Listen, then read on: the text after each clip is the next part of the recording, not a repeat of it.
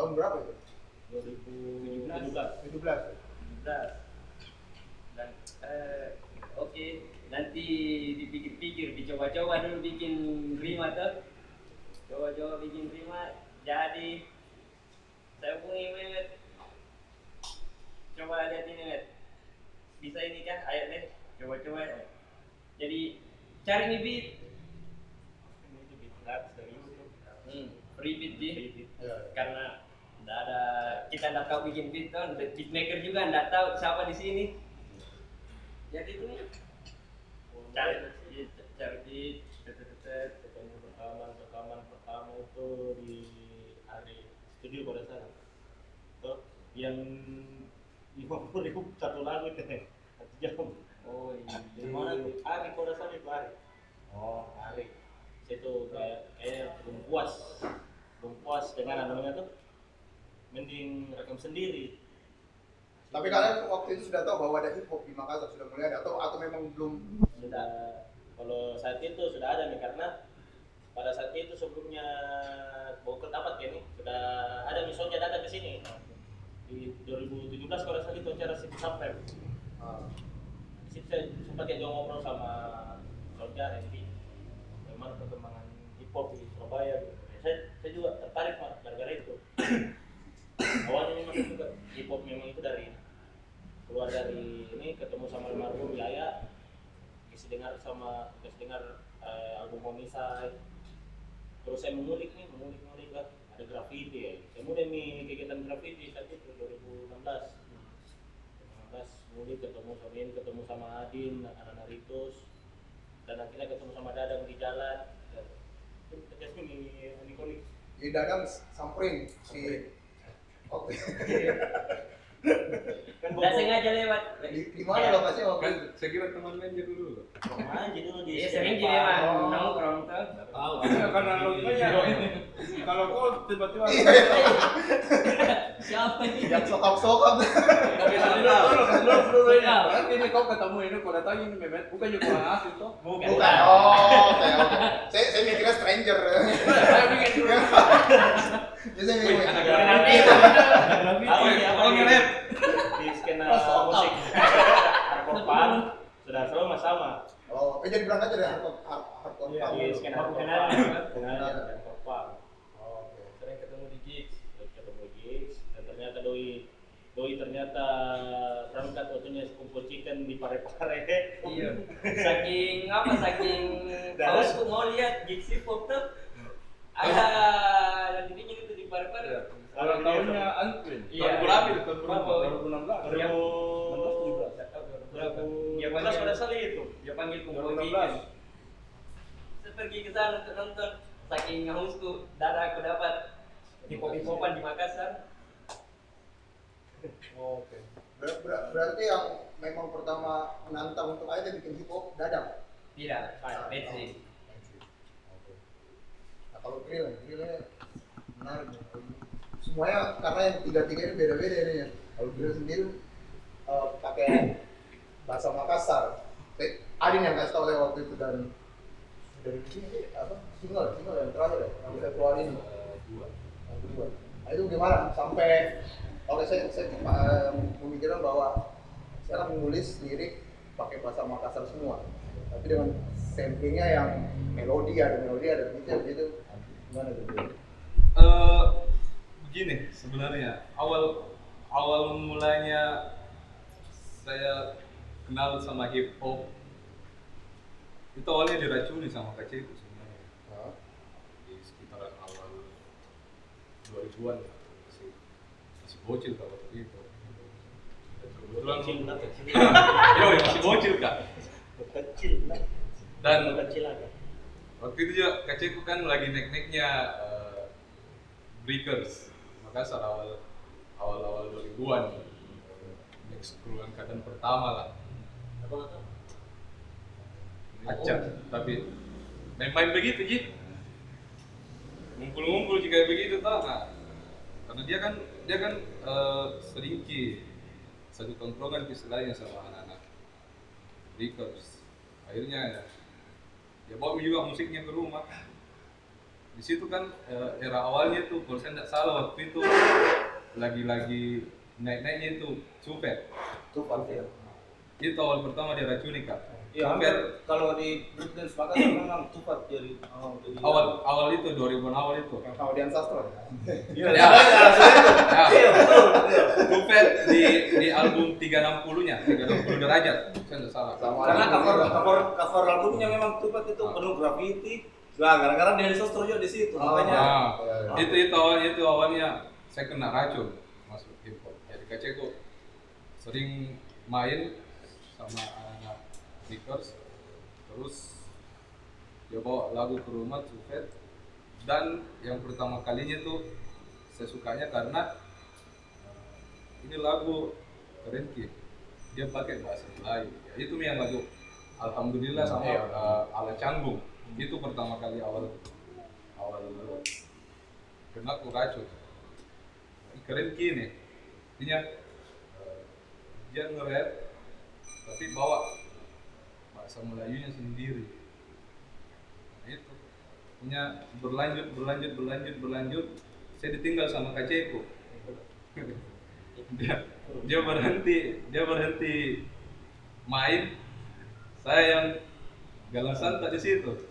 Tinggal. Tapi saya enggak enggak enggak masuk di subgenre hip hop yang lain kayak boynya saya fokus di Di hip hop lah ya. Hip- ya, musiknya. Sebagai musik ya.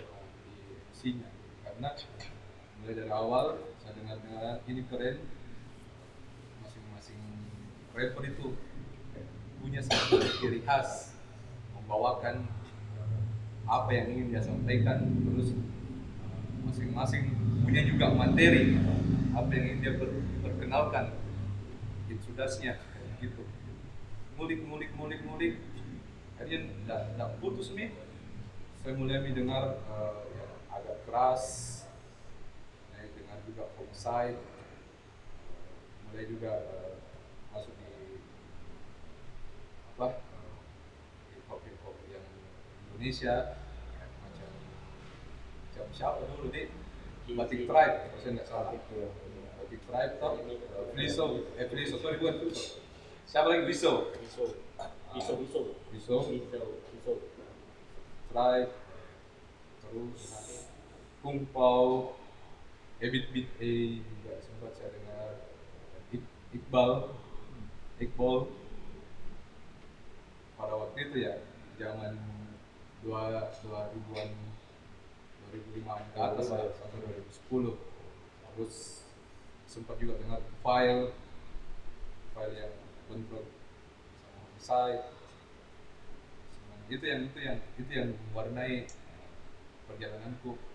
Jadi penikmat hip hop di skena Indonesia. Termasuk Segoji juga saya dengar. Terus lambat-lambat saya mulai keluar keluar keluar. Ya mainstream lah untuk awal perkenalan dengan hip hop kita tahu yang ada di major macam Jay-Z, Eminem, eh, gitu. dan awalnya juga saya tidak langsung didengar pure hip hop ya. Kenalan dari Tupac terus kemudian berkembang ada alternatif kayak Linkin Park Bizkit kayak gitu. Dan itu nih itu semua akhirnya eh, ngulik ngulik ngulik ngulik.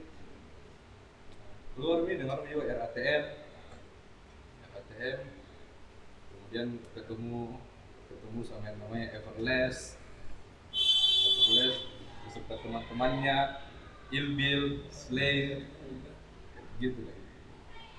Kemudian pindah eh, dengar lagi tentang anak-anak yang New York, kemudian dengar Nas apa dan sebagainya dan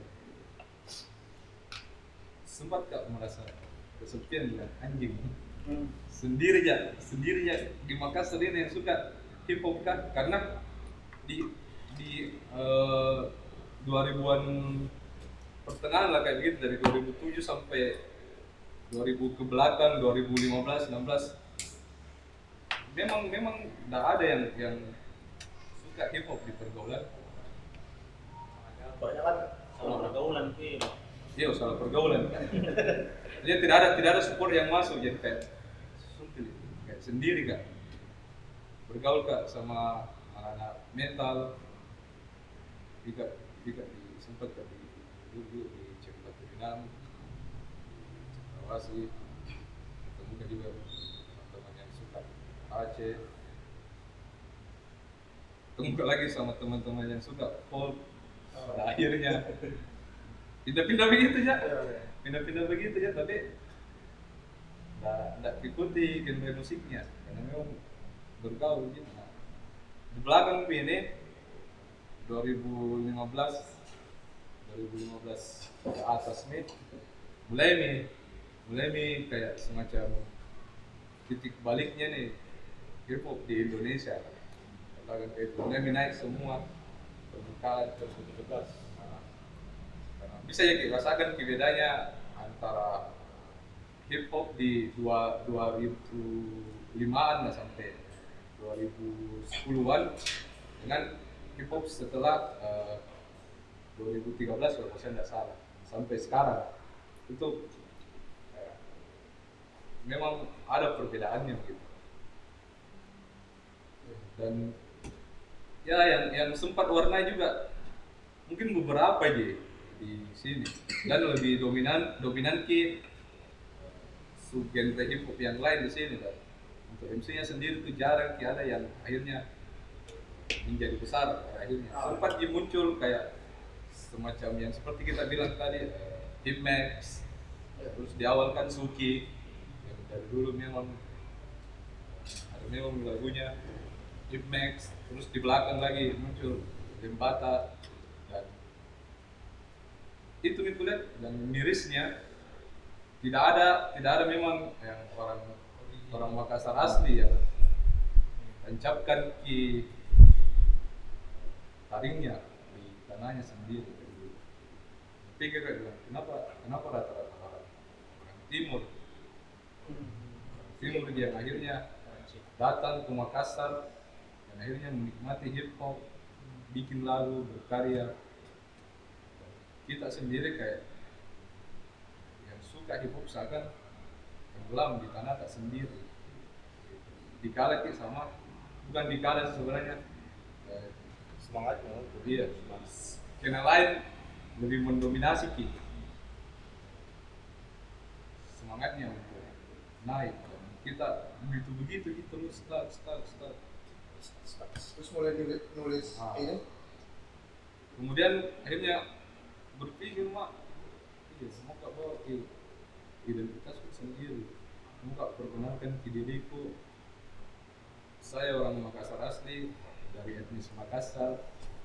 Saya besar dan tumbuh di uh, keluarga yang memang notabene besar ki besar ki pengaruhnya. Tetap tidak pegang ininya budaya-budaya yang dari etnis Makassar gitu.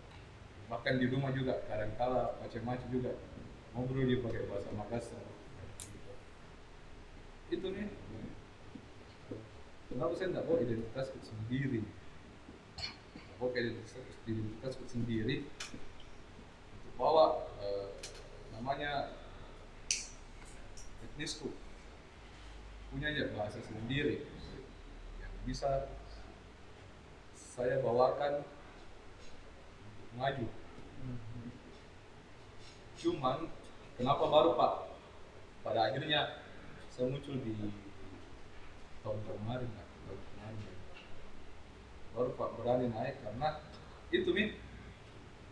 Supportnya yang selama ini tidak ada. Tidak ada tidak ada support yang yang bisa bantu kita untuk bawa Tina ini yang ukur tidak karena selama ini eh, beberapa saya presentasikan ke teman-teman kalau bilang maka maka bikin lagu itu susah kayaknya bakalan ada yang oke jangan keluarin dulu Pak. mau media apa Karena memang kebetulan memang yang yang pada waktu itu memang tidak ada tidak ada memang hip hop yang lagi muncul ke permukaan dan untuk ide-ide seperti itu kadang-kadang memang tersendat ki di di masalah eh, penerimaan dari orang-orang. Akhirnya kemarin tahun lalu lah ketemu Mas Famili, Mama dulu pertama Metsik. Metsik saya ketemu. Metsik, Saya ketemu apa nih? Kecil itu mama gini. Metsik paling. Dulu waktu yang pertama gua ketemu gua panggil dia mama ketemu. Bed kayak bed. Ketemu di mana? Saya ketemu ini di ruang tengah. Jadi pada saat itu ada eventnya Marlboro. Terus lagi di apa ini? Eh, ada undangan di kita gitu ya, kayak panggil komunitas. Saya datang nih. Pada saat itu memang saya juga aktif nih sama Anikoni. Aktif nih di situ. Jadi saya juga cari channel aja ini gitu, cari teman. Siapa-siapa ini yang doyan musik begini gitu. Ketemu semua. Ada di Esa, yang dari Jayapura main ke sini. Eh waktu itu memang acara hip hop waktu itu. Acara hip hop. Iya, subkultur. Kulturnya hip hop. subkulturnya. Jadi lengkap semua dalam. Ada b-boy, beatbox, Ya, ada, yang ada, ada graffiti. Iya. Dari situ ketemu, ketemu sama ini.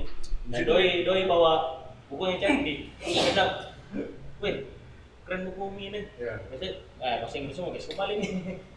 Ini cerita-cerita panjang mas itu. Kita keren. Jadi kita awal ini kita awal. punya cak di Nah, Tapi Ya, karena kan bahasa Inggris apa nih baca. kayak Bisa baca. apa apa yang apa yang saya dengarkan dan uh, Matsik yang dengarkan itu nyambung gitu begitu. Saya buka SoundCloud dengar apa? Domilko, Domilko, doi juga dengar. Jomil, Domil, doi juga dengar. dengar, eh, terus Altar Logika. Waktu itu juga Logok masih ini dia Nah, masih masih waras-waras. masih waras-waras. Itu Waktu itu saya kayak kalau salah itu hari pasti kayaknya panas-panasnya Ah, itu dengar track yang pas laptop kayak itu semua track pas anunya yang pas 17 Agustus yang keluar Dirgahayu. Dirgahayu, Dirgahayu. Dirgahayu. Ini saya bahas itu. saya saya dengar pokoknya apa yang saya dengar Matsuk juga dengar kayak gitu. Dan situ akhirnya nyambung. Mansik atau Mansik tahu? Matsuk Oke. Kamu kan jadi Mansik. Nah ya kalau kalau oke Matsik kalau- beda nama Mamat dia Matsuk model jadi yang ya yang saya perhatikan kan sebenarnya kan saya ya kalau misalnya kita sudah masuk ke Indonesia pesta rap ya waktu itu saya ingat uh, saya lihat pesta rap mulai dari tahun 95 waktu itu yang dirilis uh, sama musika sampai volume 3 terus mereka kemudian sempat reuni ya di Synchronize Ya, Synchronize. 2017 17. 2016 sudah dulu. 2016 sudah reuni Iwaki 2016. 2016 Iwaki atau mana? 2016 Iwaki, Iwaki masuk penjara kembali lagi reuni 2017. Tapi Iwakinya ada ada. Iwaki enggak ada. Nah itu itu kan memulai memulai apa memulai bisa dilihat pada saat itu Pesta Rap itu yang kan major label tuh musika musika studio. Berarti dia mereka kemudian menempatkan bahwa oke hip hop ini sebenarnya dia sudah masuk ke uh, major ya uh, major kemudian. Dan sempat redup kemudian. Nah ini nih yang dari tadi balik lagi ke eh, apa, uh, pertanyaannya mau nanya lagi ke teman-teman muncul lagi setelah saya saya enggak, enggak apa uh, banyak yang kemudian muncul gitu. Di dekade 2000 2000-an kedua ya setelah 2010-an gitu 2010-an ke atas gitu. Uh, ap- apa yang menurut uh, teman-teman ini uh, uh, kalau kalian baca gitu kenapa kenapa bisa seperti itu gitu? Uh, kita kemudian uh, melihat bahwa ada ada Rich Giga lah uh, yang yang kemudian sampai ke sana. Atau misalnya yang uh, homisnya tidak sepenuhnya mati sebenarnya dia apa bermetamorfosis menjadi hal-hal lain gitu. Uh, dengan dengan dreamlocknya dan dan seperti itu. Uh, kalian apa kira-kira yang, yang yang membuat hip hop kemudian dan di berhubungan dengan di Makassar gitu dia kan ininya sudah mulai mulai berkembang kan? Uh, yang memainkan hip hop itu bukan bukan suatu hal yang eh, apa hal yang tidak lazim lagi. Tapi mulai mulai menjadi eh, suatu keseharian. Ande kalau menurutku eh, naik turunnya itu sebenarnya kalau saya perhatiin kalau di Makassar justru kemarin itu karena eh, keterbatasan ini apa namanya produksinya. Karena kan eh, sebenarnya orang-orang pelaku hip hop orang-orang MC khususnya dalam, dalam hal ini mereka tuh punya punya ide punya lirik banyak tapi mungkin eh, untuk memproduksikannya itu justru kurang. Maksudnya kurang medianya kurang fasilitasnya. I- itu kalau menurutku itu yang menjadi penyebabnya kalau kenapa di Makassar sendiri. Sebenarnya banyak kayak orang-orang kayak eh, Lopo kan sebenarnya dia kan sudah lama men- menikmati hip hop sudah lama punya lirik mungkin punya ide apa segala macam tadi tapi dia terbentur di eh, medianya itu fasil- fasilis- fasilitasnya itu tidak ada Nah, kenapa sekarang-sekarang baru bisa naik? Karena menurutku uh, justru sekarang-sekarang ini uh, peralatan-peralatan pendukung itu terjangkau sekarang-sekarang ini.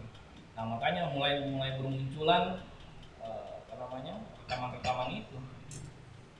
Kalau dulu mungkin kalau kenapa orang tidak suka? Karena kurasa itu kayak musik-musik lain sebenarnya tren tren karena memang mungkin di di di, di musik lain ini trennya lagi rame ya musik lain pasti ter, ter, ter- tenggelam nah sedangkan hip hop sendiri kalau di Makassar ada di kakinya bagaimana mau naik?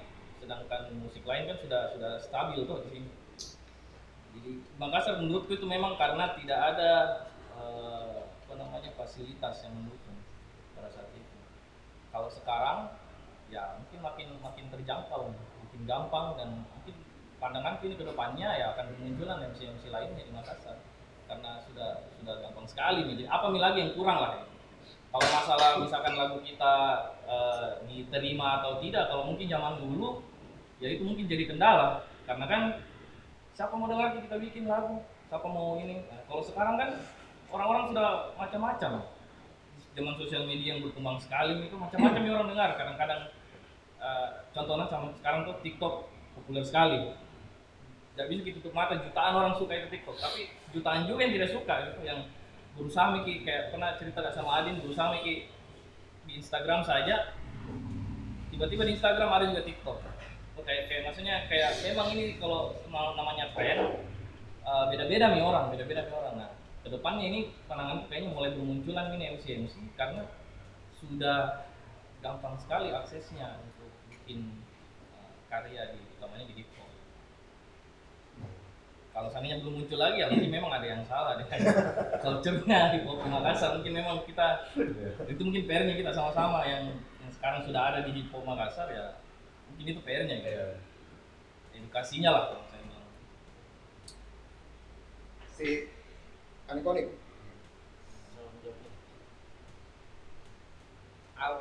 Naik turunnya hip hop di Makassar.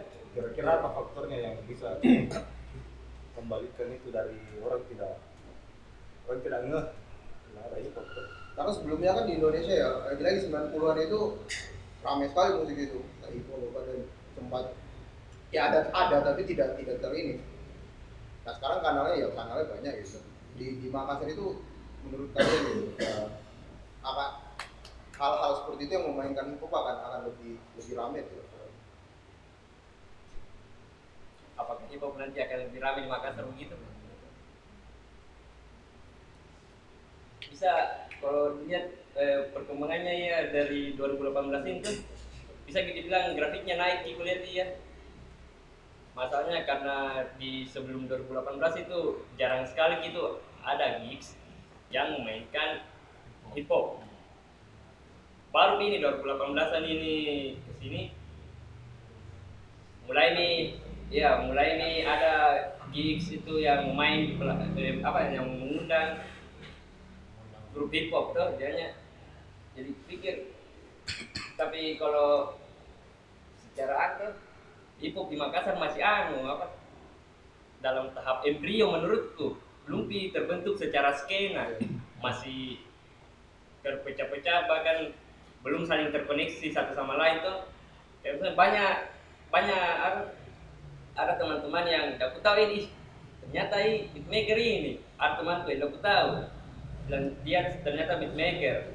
Ada juga temanku yang tidak tahu bilang ih ternyata cek per cek dia rapper. Nah yang seperti itu pikir penting kalau misalnya mau misalnya membuat hip hop sebagai skena tuh di Makassar. Saling berjejaring bangun koneksi satu sama lain.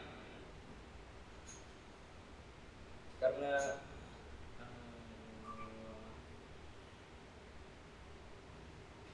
eh, karena kalau di pertemanan tuh bisa pasti terbentuk sesuatu yang baru lagi. Dan pasti juga orang awam juga bakalan tertarik ini apa nih pasti bakalan nimbrung juga mencari tahu apa itu apa itu apa itu. Dan ujungnya pasti jadi pelaku dan kayak misalnya kayak Oji sekarang. Dulu dia doi beatbox. Doi beatbox sekarang udah mulai nge-rap. Ada namanya juga dance dance juga dia awalnya suka nonton gigs di hardcore punk. Dan sekarang juga mulai jadi pelaku hip hop rapper juga sekarang itu menurutku dari dari tahun-tahun kemarin dari Kenapa faktornya bisa begitu misalnya? faktornya mungkin Diajakin, dia- diajaki atau penasaran mungkin ya penasaran? penasaran kita bagaimana rasanya nih kalau kita sebagai pelaku bukan lagi sebagai Penikmat. penikmat Oh ya. Iya. eh, sebenarnya kalau mau berbicara di dekade 90-an seperti yang kita katakan tadi bahwa di dekade 90-an kompilasi Testaret kan masuk di major label. Nah, di dekade 90-an itu semua hal terbatas pada waktu itu. Sorry, produser yang tahu cari sorry, dicari Dekade 90-an terbatas semuanya.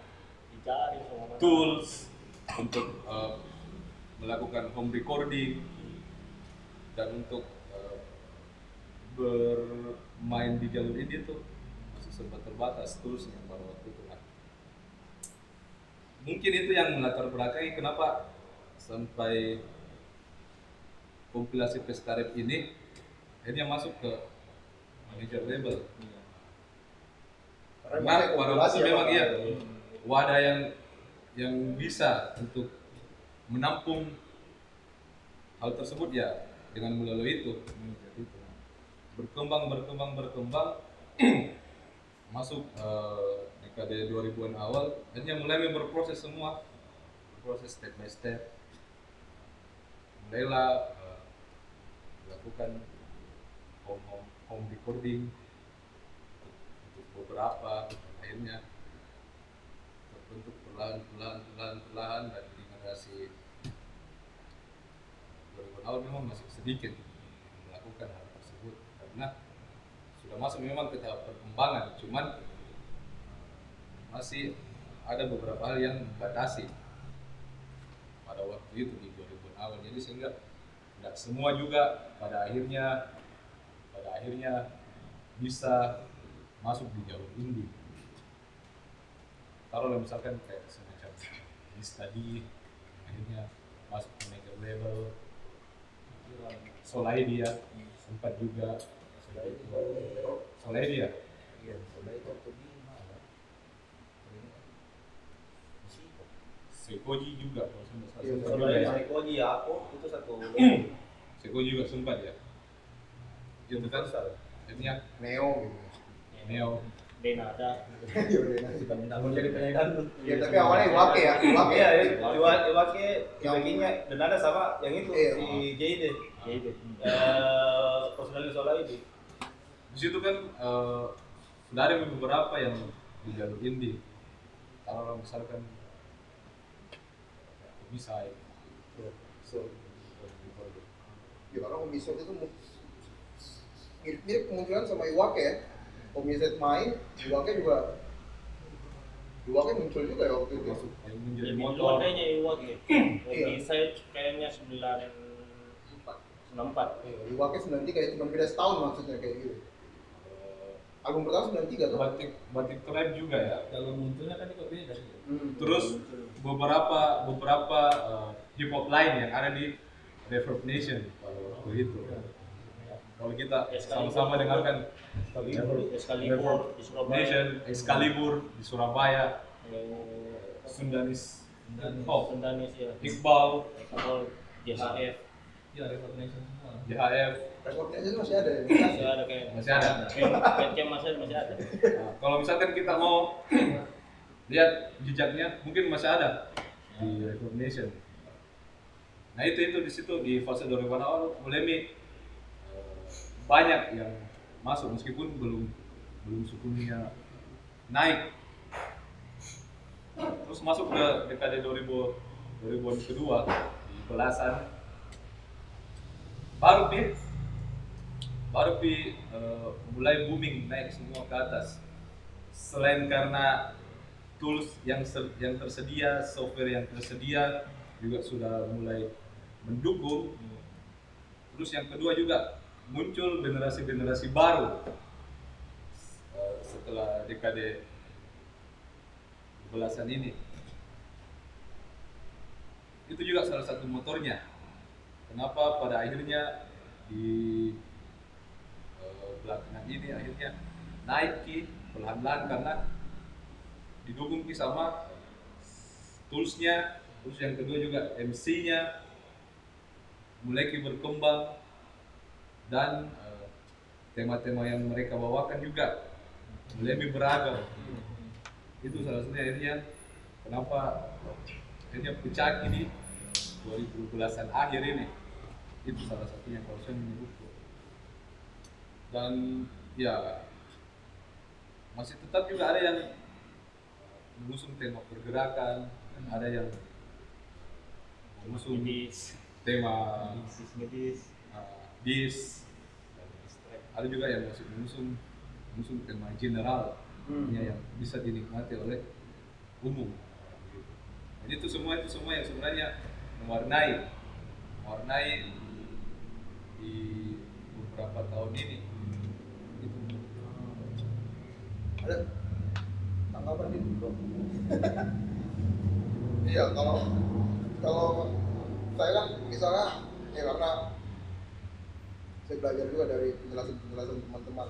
Eh, tapi misalnya keterbatasan keterbatasan teknologi hip hop itu kan kemunculan juga karena keterbatasan teknologi ya. Ber- berkembangnya Ah. karena teknologi. karena teknologi ya Kejadian mati lampu itu kan justru karena Iya. itu kan semua orang punya. betul.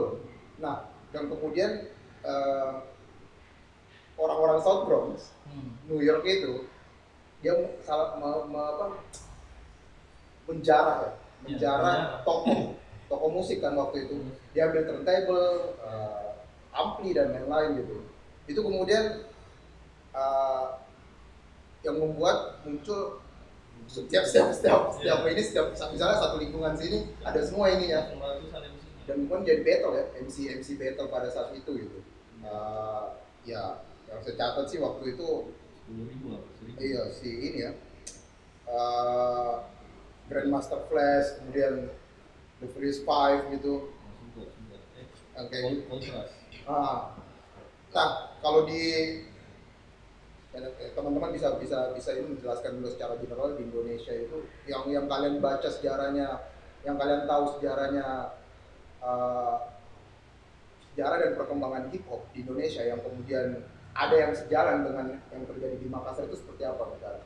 Ada tidak yang sama? Atau misalnya ke, eh, bentuknya bentuknya hip hop yang muncul di Makassar ini secara secara organik ada yang secara organik ada yang ada yang nempel secara yang balik lagi gabung ke graffiti ke b-boy dance gitu.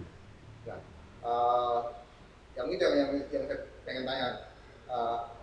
Mun- karena misalnya di South Bronx itu dia muncul eh, seperti itu dengan elemennya ada graffiti kemudian di Los Angeles gangsta rap misalnya. Eh, kalau kemunculan kemunculan di Indonesia kemudian yang yang terjadi di Makassar juga seperti apa gitu? Ande misalnya kayak gitu. Kalau saya kurang tahu sih sebenarnya secara general karena eh, saya pun sebenarnya datang ke Makassar kan itu 2018 langsung MC waktu itu. Ah, oke. Eh, eh, backgroundnya meskipun waktu itu di, di Bandung juga sempat ada grup dulu. Eh, pokoknya ikut-ikut jalur indie, Record Nation kayak gitu-gitu. Cuma mungkin memang udah sampai kedengaran ke luar kota tapi di Bandung dulu memang cukup. Cukup lumayan lah orang sana. Apa namanya sem- sempat tahu pulang ke Makassar justru saya tidak tahu apa-apa di Makassar ini seperti apa ininya hip hopnya waktu itu datangnya. Nggak tahu ininya gitu arahnya waktu itu pulang. Jadi ya karena kebetulan memang saya punya kelebihan di teknologi itu ah, jadi awalnya kan memang saya bi- bisa bikin beat. Awalnya kan memang bisa bikin beat. Sebelumnya juga saya pernah kerjasama di band Ah, aliran bandnya juga dulu hip hop hip hop gitu juga alirannya. Nah, saya sempat kerjasama di situ sempat sempat belajar di situ juga cara bikin musik termasuk juga bikin beat otomatis mastering mixing segala macamnya. Nah, akhirnya saya bawa ke Makassar saya bawa pulang ilmunya dan saya jalankan sendiri gitu di sini. Kemarin itu begitu awalnya. Saya bikin beat sendiri bikin liriknya kemudian coba publish ya tanpa sepengetahuan sekitar itu hip hop itu sekitar saya itu seperti apa gitu kurang tahu waktu itu. Nah, tapi kalau mau dilihat kenapa bisa naik ya karena memang teknologi tadi. Teknologi tadi itu yang mendukung. Kalau dulu memang susah. Susah sekali kalau mau record. Apalagi peralatan record itu mahal kan. Nah begitu sekarang sudah terjangkau ya saya rasa kayaknya asal memang ada kemauan sih bisa. Anekonik juga entah kalian nongkrong dulu di teman-teman band-band yang punk atau metal terus maksudnya meleburnya di situ di graffiti juga atau atau atau gimana misalnya kayak gitu? Kalau di pertama saya dengar itu anu rata memang. Karena di sini tuh ada namanya kayak apa lagi nih? Black Elvis. Ada Black Elvis. Apa lagi bandnya lagi nih? Satu. Ada juga bandnya dari Enda ini. Memang kayak musuh musik itu dengan puisi dan kayak nge-rap gitu deh. Ya, saya mulai dari situ, oh ada musik begini. Dan saat itu saya sama Ajin ini sama Ajin ketemu cerita-cerita. Dan Doi ternyata juga produser Ekar Ajin cerita mah dan Doi saat itu memang lagi lagi usung-usung event event-event kecil buat ini. Jadi saya "Loh, kenapa tidak kasih masuk? Di kok kasih ketemu ketemu nih ketemu sama Suke Suke yang bikin grup eh ketemu sama ini? Mulai terbentuk di situ. Yang apanya istilahnya acara-acaranya acara-acara hip hopnya atau Siti Sapra bisa menurutku iya yang penting nah, Oke. Suki Supreme 2018 Iya dong. dan maksudku waktu di Sonja ada? Hip hop Makassar lain tidak ada kalau di Sonji itu hari tidak ada cuman. Saper Jin Ada. Oh iya, ya di anu. situ di tahun 2018 itu Belum, belum bisa di 2017 itu belum terrekognisi di lokal lokal Iya. lokal lokal rapper. Suki saya nggak kasih masuk karena memang dia sudah saya ada di situ. jadi sih saat, saat itu masih ada kalau tidak salah David yang freestyle Ada Fitson sempat freestyle di situ sama Ewin. Ewin, Nah itu juga lucu di situ. Itu momen ketemu Ewin sama Davidson yang di di Toraja itu dia berkelahi. Doi Doi memang buku tiba-tiba dokter aku yang aku yang ceritakan gitu terus Ya ketemu di situ. Saya ulik ternyata Davidson juga rapper, Ewin juga kan rapper. Memang di situ triggernya 2018 Pecahnya di situ. Saya tahu Ani Connect bikin track sekarang. bacanya di situ 2018 nah Supreme hmm. yang 2013 datang HC gabung sama sih baru ketemu Bigo Squad baru ketemu sama anak Bigo Squad situ jadi bangun nanti jadi pertemanan sama dia. Biasa ke kosannya collab sama-sama tapi sampai sekarang belum. Jadi jadi main pertamanya juga Ani Konik ya Main pertama juga di situ di City Supreme City Supreme 2018 thank you Adi. Tapi keterkaitan keterkaitannya Anikonik sama graffiti sama uh, big boy gitu gitu cukup cukup erat berarti ya Mexic gitu ya Ya, saya memang kubangun di, di jaringan itunya karena kupikir kalau kita ini satu kultur Ki, gitu. Masa tidak baku kenal tidak saling kenal jadi ku biasakan diriku untuk berbaur ke mereka. Saya datang ke tempatnya anak beatbox di Filos sama anak b-boy ketemu kan langsung sama beatmaker cerita ngobrol. Sama anak graffiti kan awal juga saya mulai kenal hip hop itu dari graffiti Tapi kemunculannya bagaimana sih? Bang? Apakah saya nanya sebagai orang awam, kemunculannya itu memang pertama itu break dance, eh graffiti sama break dance itu barengan memang Makassar. di Makassar. Eh, hype-nya tidak ketemu, cuman lahirnya bisa sama-sama. Ada 2004 itu sudah mulai ada graffiti di Makassar. Bahkan sebelum itu ada graffiti di Repocin, yang gambar gundam. gambar gundam Oke. Itu tidak terrekognisi, tidak teridentifikasi sebagai graffiti karena itu cuma dinilai sebagai mural, gambar seni rupa di tembok, tidak dicap sebagai graffiti apalagi sebagai skena atau itu tidak dihitung. Nah, setelah diulik 2004 2005 Indi Aib sudah gambar, eh, Pupu sudah gambar 2005 2006 itu sudah ada sudah ada graffiti writer yang sudah oh anak graffiti nih. Sudah ada di rekognisi itu 2005 juga anak-anak sudah main di Arif Rate Break dance. break dance 2005 anak-anak Bojong Song itu sudah datang nih si Bisma Bisma Bisma Smash. no Misoel Iya. datang nih sama anak-anak Down Squad 2004 2005 itu lagi marah gara-gara ada satu platform eh, kartu seluler itu inisialnya Telkomsel. Dia, dia bawa dia bawa eh, tim.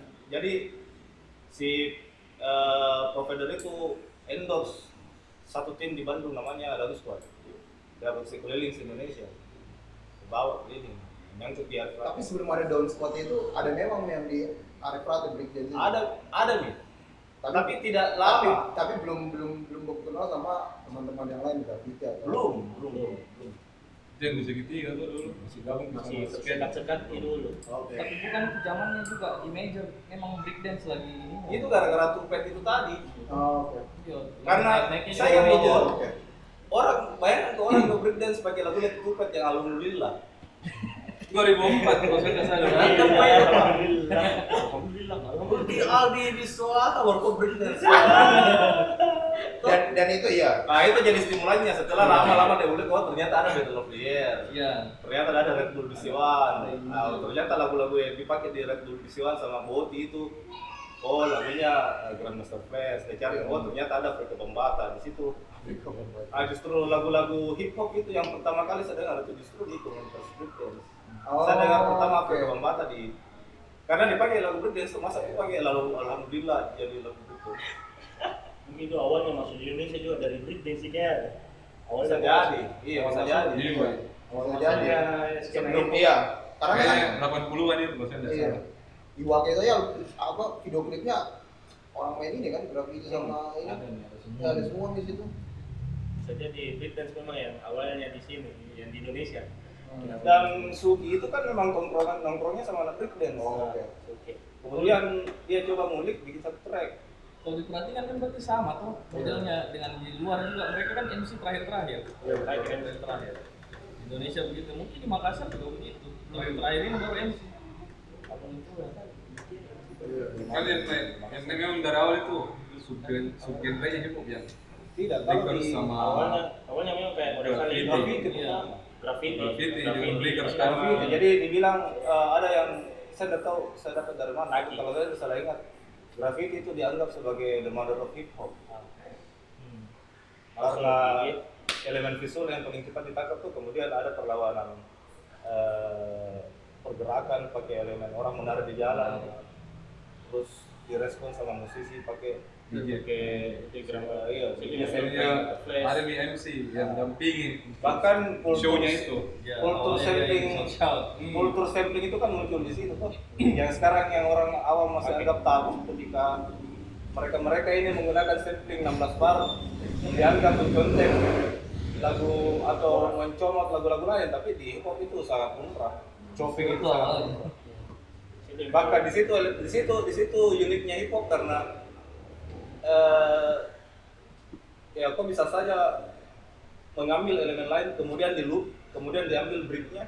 Iya, break. yang di yang di elemen breakdance itu diistilahkan breakbeat Nah, iya. yang kemudian disalahpahamkan sama DJ DJ di skena nightclub itu genre lagu breakbeat seperti itu. Cuma kan kan memang lawannya tuh hip hop alternatifnya disco Ya. zaman ini Zaman itu ya disco. iya betul karena orang disco itu kan orang-orang mahal kayak gitu Iya. Itu mungkin lebih mahal. Jalanan. Lebih mahal ki untuk anak-anak pada saat itu kulit hitam tuh. Agak mahal ki untuk masuk ke situ. Jadi dia berpikir bagaimana cara sendiri dia partinya. bikin sendiri partinya. Sendiri Jadi partinya. di setiap blok-bloknya mungkin dia bikin sesuatu dari vinilnya James Brown, vinilnya Michael Jackson, dia adu jadi suatu beat yang baru, sekitar yang baru. Iya. Dan kemudian pertemuannya ini yang, yang secara ini ya, yang saya nonton itu Blondie ya. Band band ini diajak main sama saya lupa siapa ya. Eh, Grandmaster kah atau siapa waktu itu. Mereka kan bikin satu track bareng waktu itu. Karena pang jadi pang ya. pang pangnya itu sama jadi CBGB kan waktu itu jadi diajak ya karena bagian bagian waktu itunya ya anak-anak anak-anak ya karena dia jalanan terus dimasukkan di klub pang pang juga alternatif. Pang juga alternatif kan waktu jadi eh, semangatnya kemudian bertemu eh, pada saat itu gitu. Nah kemudian kalau eh, secara secara ini secara secara perkembangan penulisan penulisan lirik misalnya eh, atau misalnya tadi eh, si Ande sebut yang MC gitu. Nah itu bagaimana tuh transformasinya? Eh, apakah dia mulai dari DJ dulu kemudian karena kan juga hip hop kan dia masuk ke MC itu ditaruh di, di depan itu ketika yang Grandmaster Flash sama The Furious Five. Ya. The Furious Five yang lima orangnya itu kan Lima orang. Grandmaster Flash yang di belakang gitu. Sebelumnya kan Grand, Grandmaster Flash itu main-main di klub-klub memang. Ya. Nah itu kalau kalau kalau misalnya di Makassar begitu juga awal atau atau atau gimana? awalnya enggak. Jadi itu di sini perasaan semenjak aku pertama masuk iya pertama aku masuk enggak gitu namanya klub. Jadi anu di DJ pakai flash disk. Main disco disco musiknya. Kalau menurut sih mungkin karena ada misleading tentang hip hop Eh, wawasan orang awam cuma menganggap hip hop dari elemen musiknya kemudian yang related ke hura-hura party segala macam itu elemen hip hop yang Oke. itu yang masuk ke nightclub untuk Ya. party itu Terjadi di sini tuh. Atau itu terjadi di sini bahkan irisan ini itu seiringnya di situ gitu irisan berapa itu? irisan irisan eh, hip hop sebagai elemen party itu tidak tercipta secara umum. oh Ya menurut betul itu. Menurutku di mana-mana juga akan seperti itu. Karena eh, saya sempat riset juga masalah ini. Ya masalah profit. Hmm. tidak akan profitable kemasan hip hop secara mentah-mentah diaplikasikan ke ranah bisnis zaman sekarang. Zaman sekarang dengan selera musik yang tuntutannya sangat berat apalagi urusan profit. Semisal contoh kasus. Berat nih maksudnya iya semisal contoh kasus eh, kita mau tes bikin event hip hop di satu klub misalnya. Pasarnya tidak akan betah karena mereka sudah menganggap misalnya dia datang tempat A dia akan nikmati sajian yang dia inginkan kayak kemarin. Nah makanya iya sama makanya seperti pas kejadiannya Sonja datang kedua kalinya di sini. Hmm. Yang pas itu hari di liquid. Dari situ baru pertama pas kali itu liquid. Main kita main ini orang semua pada duduk. Sudah satu apa ini. Jadi soalnya dia berpikir situ kayak kurang ada soalnya gitu ya. Pada saat DJ sendiri baru keluar soalnya mereka yang jadi yang genrenya progresif alternatif. yang menarik menurutku tuh eh,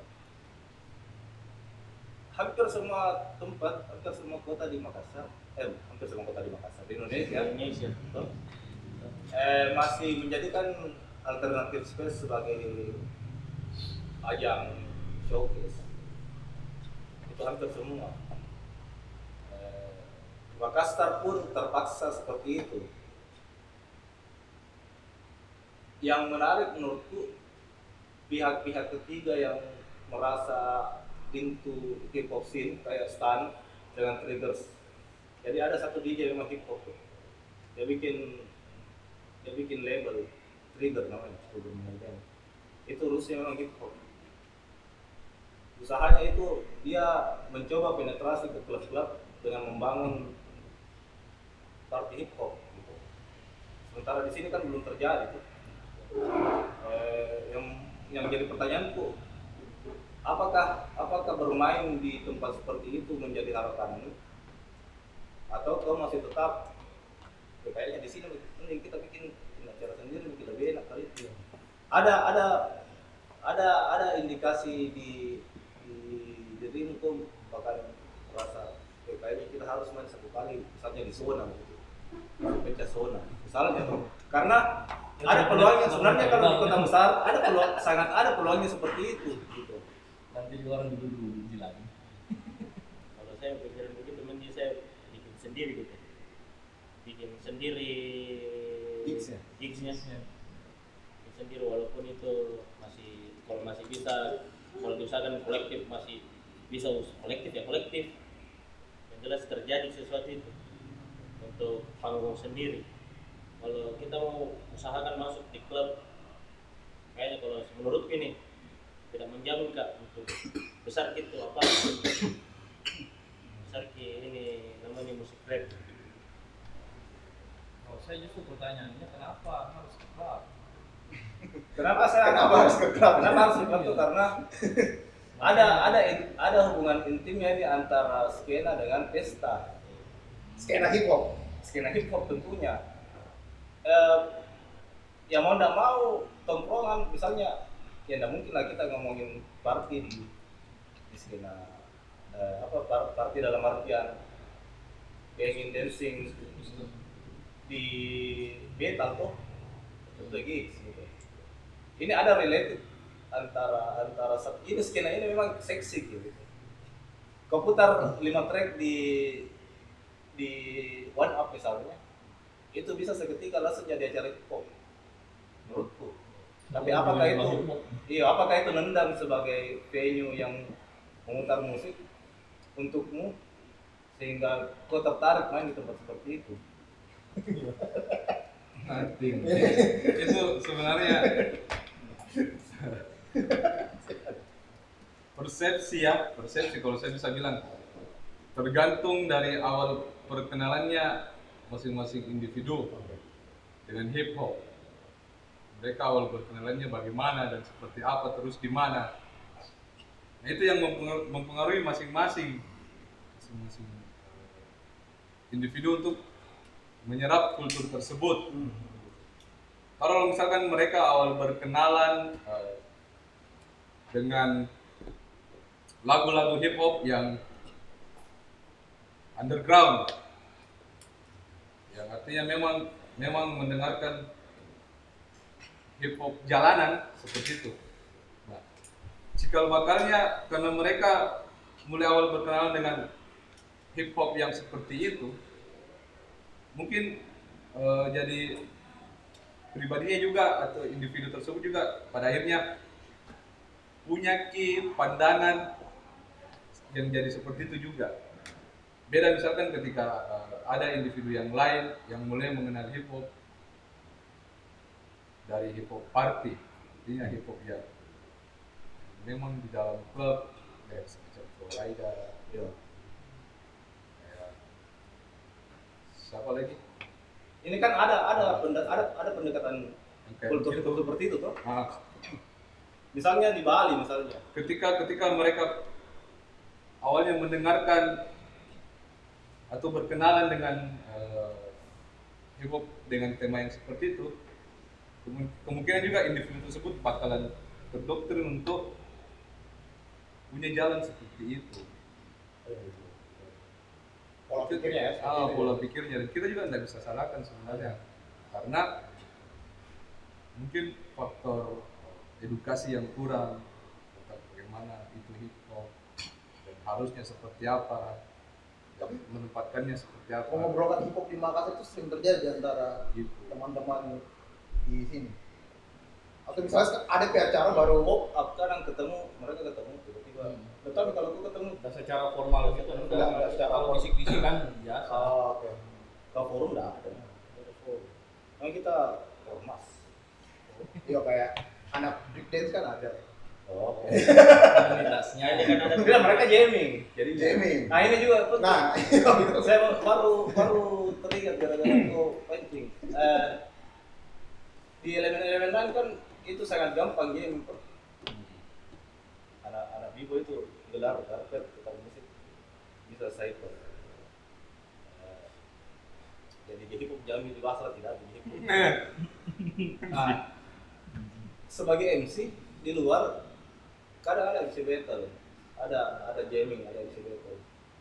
Eh, di umur yang baru beberapa tahun ini kalian terlibat sebagai pelaku pasti nih sempat keulik terus ketemu ada aktivitas-aktivitas MC battle ya taruhlah di Boadir tuh. Di filmnya Boadir filmnya ini ada hal-hal seperti itu yang terjadi di luar. Terus kalau di Indonesia sempat ada beef battle yang jadi kontroversi kalau di Makassar menurutmu penting tidak sih itu MC battle kalau menurutku di dengan Makassar, dengan anda dengan hitungan pelakunya cuma seiprit lah kayak begitu kalau misalnya begitu tuh masih belum bisa ya maksudnya mending kolaborasi gitu daripada ngedis. Kan istilahnya Makassar kecil di kayak itu graf graffiti. Nimbang nimbang ketemu ketemu tidak mau ngomong kayak belum baru setiap gigs ketemu ji gitu. Jadi mending collab kasih jadi satu satu lagu ya. Itu mediano daripada ngedis dari bulannya juga. Mending mending mending breeding kayak gitu Perkenalkan. penting tidak pentingnya ini aktivitas MC battle. Di ranah MC di Battle battle rap. Langsung Battle ada rap, di sini live. oh live. Ya battle rap biasa minggu dis toh apa gue pikir kalau kau tidak maksudku. Kan ada di kalau kau punya pujian kau oh dong tidak maksudnya dis yang dis track bukan yang face to face langsung ada track. face, face to face. Oh, face to face. penting tidak penting? Kalau personal saya tidak penting masalahnya tidak tidak memungkinkan juga aku rasa battle rap di Makassar ya dengan pelaku yang masih sangat sedikit begitu. Tapi tidak tahu ke depannya tuh kalau misalnya sudah menjadi skena itu kan pasti banyak nih hal-hal yang pasti banyak. terjadi. Bagian dari tradisi juga itu battle rap tuh Pasti bakalan terjadi. kita kan seperti yang dia bilang tadi ya kita masih dalam tahap embryo di Makassar kan gitu. untuk eh, melakukan eh, hal seperti itu itu kayaknya masih sulit.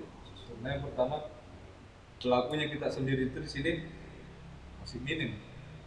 Terus yang kedua masih kedua rata-rata yang ada di sini pelakunya bukan ki jebolan MC battle kayak begitu karena kan MC itu ada beberapa tipe sebenarnya.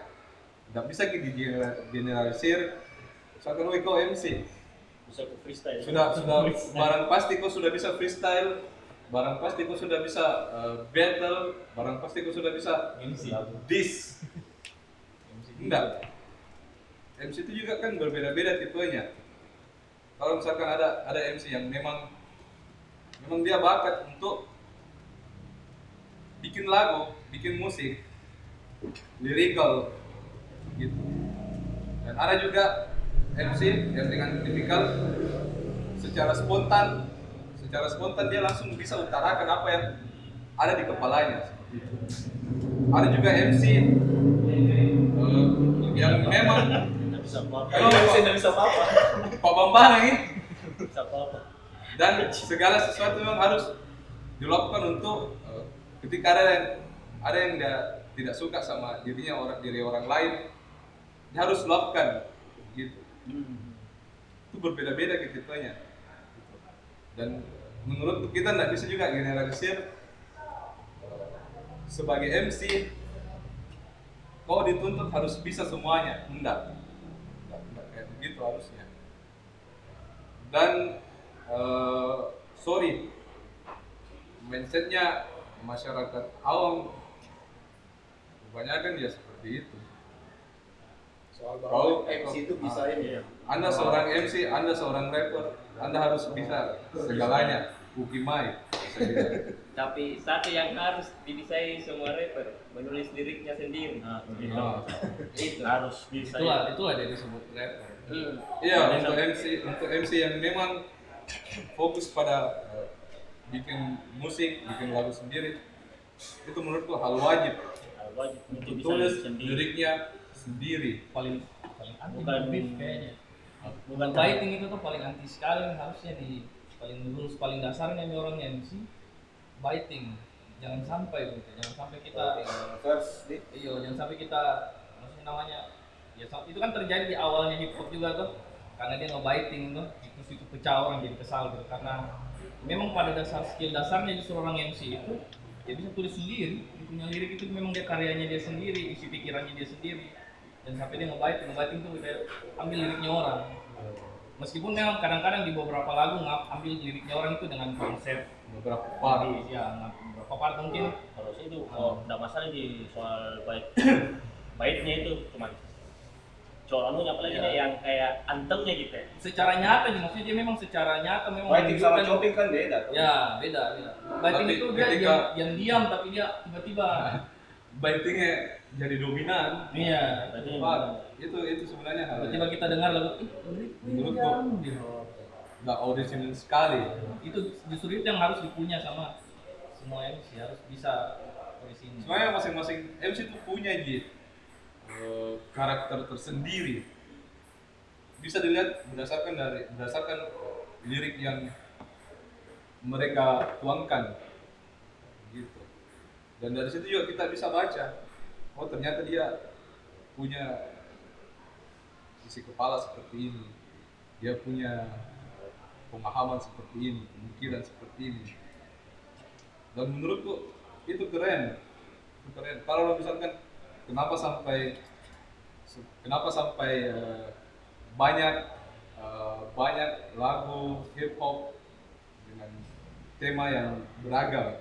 Itu itu karena buah dari hasil pemikiran MC tersebut. Begitu ada yang kritis eh, ada yang mau bawa kulturnya sendiri ada yang punya ciri khasnya sendiri ada yang mau bawa namanya sendiri kasih besar namanya.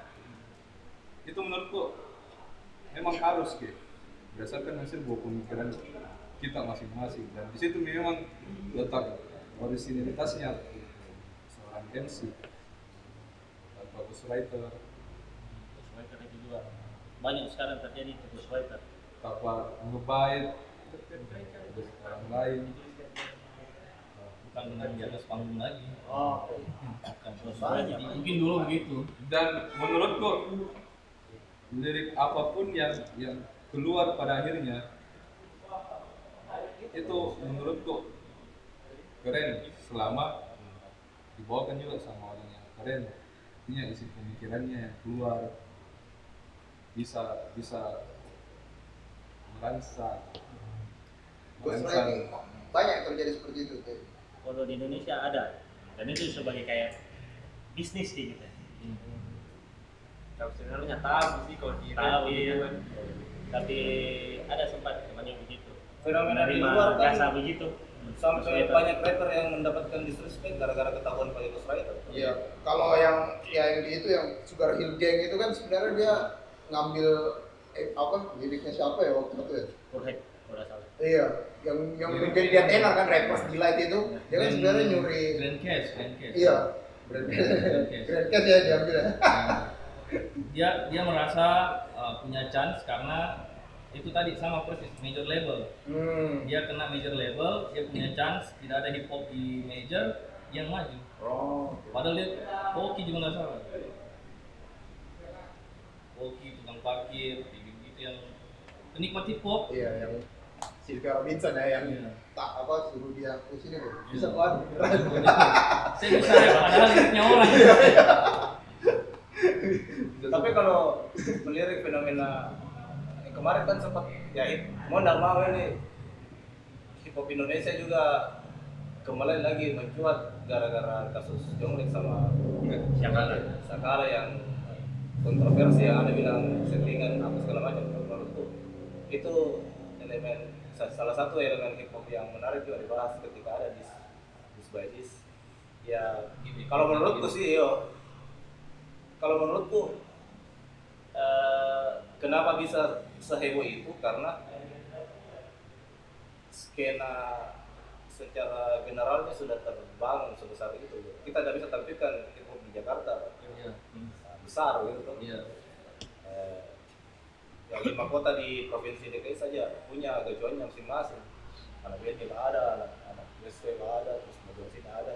Kita kan tidak bisa bilang oh sudah siapa? Sudah saya kecil sih kita. Itu Esa. Kagak sih.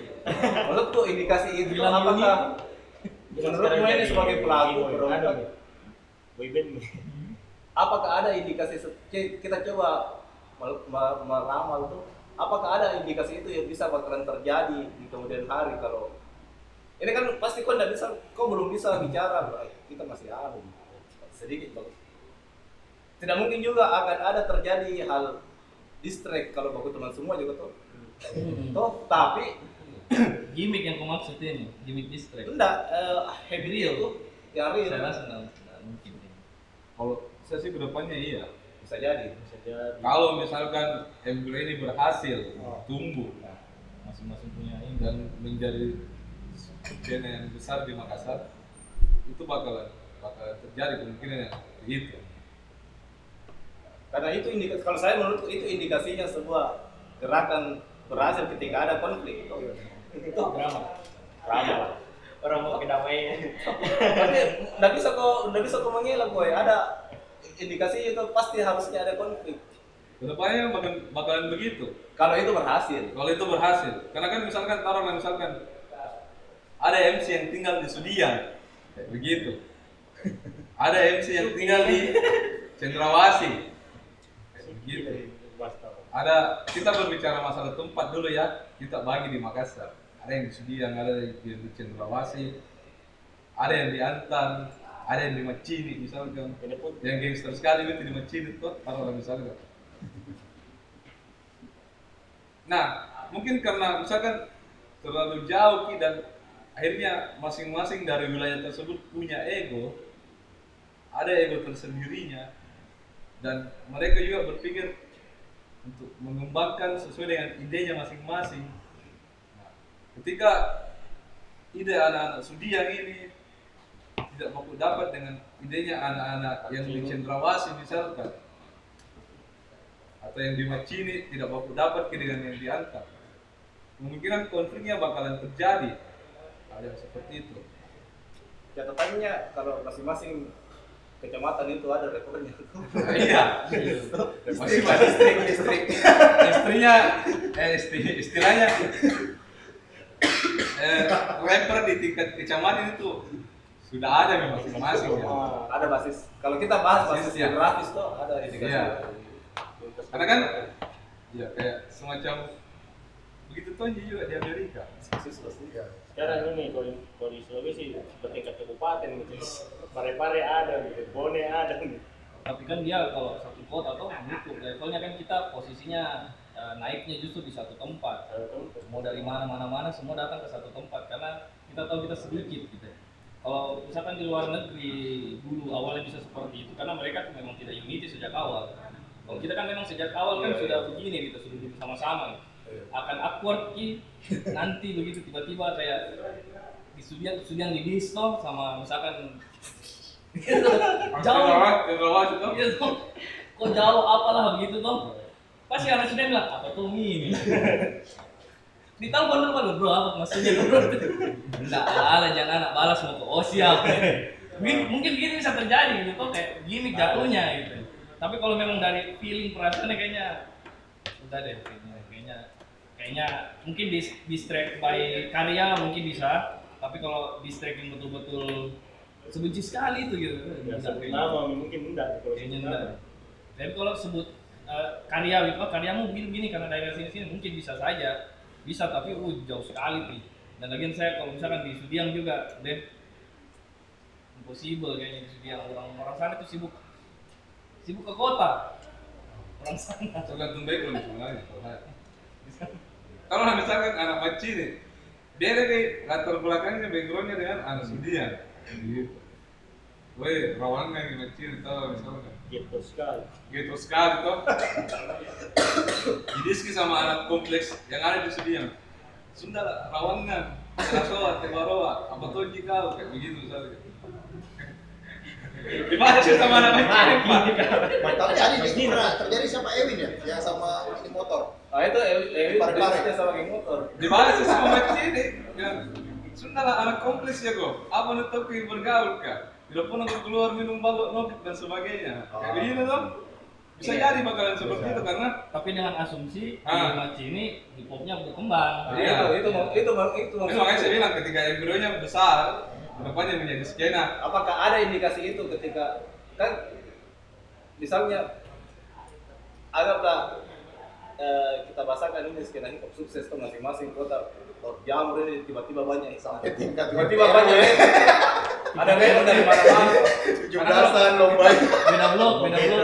Kita bicara geografis kan beda-beda ki kalau di Sudian di Sudian memang memang kebanyakan kompleks di sana pak. Terus di Macini memang daerah ghetto memang berangkat makin dari situ. Latar belakangnya bagaimana? Nanti tipikalnya ke depannya bakalan bertumbuh di Sudian bagaimana? Tipikalnya nanti eh, anak-anak hip hop yang di Macini misalkan bakal tumbuh kembangnya seperti apa seperti apa. Dan ke depannya saya rasa bakalan akan ada ketidakcocokan seperti itu. Ya, tapi balik lagi Mungkin itu akan terjadi ketika ketika rappernya tumbuh juga. Tumbuh. Itu saya bilang tadi di awal kan kita karena embryonya sudah ada yang mulai. kemungkinan bakalan ada di indikasi tahun 2018 kalau salah. Itu antara Esa sama Gilang itu sudah ngedis lewat YouTube Hmm. Dato karya apa aja kan satu kompleks. Gimana ceritanya Ada satu kompleks gitu antara pada di di tengah, pada di dulu satu satu satu tempat Kenapa recording kau berkelahi berdua nah? datang ke sana. Bang itu bang Oh, iya, pendengar. ini pendengarnya ini. Anu bikin lagu mau ke bagus kok nah itu di situ Kita- ya. Eh, bayangkan kok masih satu kompleks gitu pak di Iya, Sudia satu kompleks itu. Ada di satu satu lingkup recording. Maksudnya satu kecamatan juga itu Itu- kecamatan birik kanannya Jadi saya bahas apa waktu itu? bahasa Indonesia di mana bahasa Indonesia. Enggak bahasnya. karya. Karyanya, karyanya di, Iya. di, di kata-katain. soal apa iya personal gitu kayaknya personal. Oh, secara personal. masalahnya Esa bawa bawa orang tahu bawa bawa kru tahu yang satu merasa sendirian ya akhirnya dia beralih juga juga di karena ini kan kalau kita kembali lagi ke atas kalau kita ayo kembali ayo ayo ayo. dia merasa ter kalau saya merasa agak keluar pembahasan kalau saya merasa jadi dia merasa terpojokkan di tempat tertentu gitu loh asep pindah saja tempat lain deh gitu gitu ya menurut itu kalau dia rasa gitu. kalau kita kembali lagi ke tuh lebih jauh pengarang hip hop ya di satu sisi ini juga dihitung karya lagi Iya. Eh, konflik terus memakai medium rap sebagai output itu kan arena juga tuh ya. Ya gigs itu arena yang lain. Ya justru potensi Di situ ada dampak, Iya, dampak dari iya. arenanya itu. ah potensi potensi kalau kita ngomongin hip hop ini ini potensinya sangat besar sekali untuk jadi untuk jadi arena tarung gitu kalau kalau kita bahas hip hop karena apa pak tuh rapper tidak perlu bawa gitar tidak perlu bawa apa Mike iya tinggal mic saja biasa ada ada di situ mic. Maksudku secara secara secara harfiah ini arena arena yang paling gampang ini bikin. Betul. Daripada battle band mau battle band bagaimana tuh Gitar kilo gitu. Mungkin ya. Kalau kembali lagi ke bahas yang tadi battle rap. Mungkin bisa tapi kalau sudah bermunculan nih rapper-rapper yang dia bilang Loko tadi memang dia dari battle rap. Memang dia terlahir untuk Battle. bisa kasih battle ini mungkin di rumah disuruh-suruh sama orang tuanya nak balas. Oh aja mungkin mama begitu. Mending kau battle rap deh kau salurkan itu talentmu tapi kalau mungkin kita kita yang ada di sini kalau saya sendiri pribadi I'm far away from battle rap. Masih jauh. Mungkin pun kalau ada lirik tulis kayak misalnya battle rap kan siapkan amunisi segala macam tuh khususnya kan ini saya pakai bikin lagu. Hmm. timbang saya lempar di battle rap. Intinya lah gitu maksudnya karena kita kan sendiri mau berkarya terus sekarang ya lewat karyanya bikin lagu Tapi kalau untuk kebutuhan stimulan sebagai rapper, eh, selain ya tentu better rap juga bisa menambah Bisa, itu salah satunya. skill tuh. Tapi di luar itu apa yang kalian lakukan untuk untuk menambah kekuatan amunisimu sebagai rapper? Latihan, latihanmu kayak bagaimana sih? Eh, angkat beban. Tidak lah. Jadi Kalau saya melihat kalau dari dari sisi awam tuh kan saya melihat, oh ini orang betul rap latihan. Di luar ada tendensi pribadi. Rata-rata pasti dia dia rap ada amunisinya. Dan mungkin dia benar-benar kosong banget. Pasti dia dia konek-koneksikan jadi biasanya begitu. Tapi kalau untuk kebutuhan bukan untuk better rap, kalau menurut kalian berempat apa yang sudah kalian lakukan sebagai trap Secara teknis kita coba ngomong teknis ini. Dalam diri sendiri Dalam menurut lirik, eh, dalam perform juga mungkin. Kalau saya sendiri mungkin lebih banyak mendengarkan mendengarkan jenis-jenis hip hop yang lain. Terus eh, ber- berkait kekayaan kosakata dalam lirik sebenarnya itu jadi PR kita sebagai MC kalau saya pribadi kan saya pakai eh, bahasa daerah bahasa Makassar. Saya lebih condong eh, biasanya tuh mendengarkan orang-orang orang-orang ngobrol pakai bahasa Makassar. Lebih banyak eh, bergaul di lingkungan etnis Makassar. Dan dan ini kemarin saya beli kamus sebenarnya? Kamus bahasa daerah terus bahasa Makassar. Itu juga salah satunya. Yang, yang saya lakukan karena menurutku gampang-gampang susah sebenarnya tulis eh, lirik pakai bahasa Makassar. Gampangnya karena kita masih punya di lingkungan yang mayoritas etnis Makassar di situ. Jadi masih bisa menyerap pakai telingata kata-kata apa saja yang mereka keluarkan terus eh, bagaimana caranya mereka mengeluarkan dan di saat apa mereka mengeluarkan. Begitu. Nah susahnya susahnya itu eh, kalau kita tidak terlahir sebagai etnis Makassar. Oh iya. Kalau kita udah starting dari kalau kita udah starting dari kecil eh, tinggal di lingkungan Makassar itu bakalan setengah mati Ki. karena Naon? saya rasa sendiri saya rasa sendiri saya memang lahir dan besar di di ini di lingkungan etnis Makassar yang yang di mana eh, mayoritas masyarakatnya tanggap itu masih kebanyakan menggunakan bahasa Makassar dicampur Indonesia sedikit. Di situ mi eh, kayak semacam di terapi kak. Besar tumbuh dan bangga sebagai etnis Makassar yang terakhir sebagai etnis Makassar. Dan pada akhirnya karena menurutku punya ki kesamaan tersendiri ya di Makassar ya antara hip hop dan kulturnya kita sebagai etnis Makassar di mana keduanya ini sama-sama ki. Tenggelam. Tenggelam ki di tanahnya sendiri Allah generasi kita sekarang lebih banyak mengadopsi budaya dari luar bahasa dari luar. Nah, hip budaya dari luar bagaimana Sabar, kita bicara bahasa Makassar ini. Saya tidak berbicara masalah hip hop. Kita bicara bahasa tentang kultur tak sendiri. Nah, di situ nih eh, timbul ki bilang kenapa saya tidak kembangkan kulturku sendiri. Karena kan kayak ada semacam rasa kemunduran lah di generasi kita sekarang. Tentang kebangga kebanggaan kita terhadap kultur kita sendiri. Nah itu itu yang saya mau coba bangun.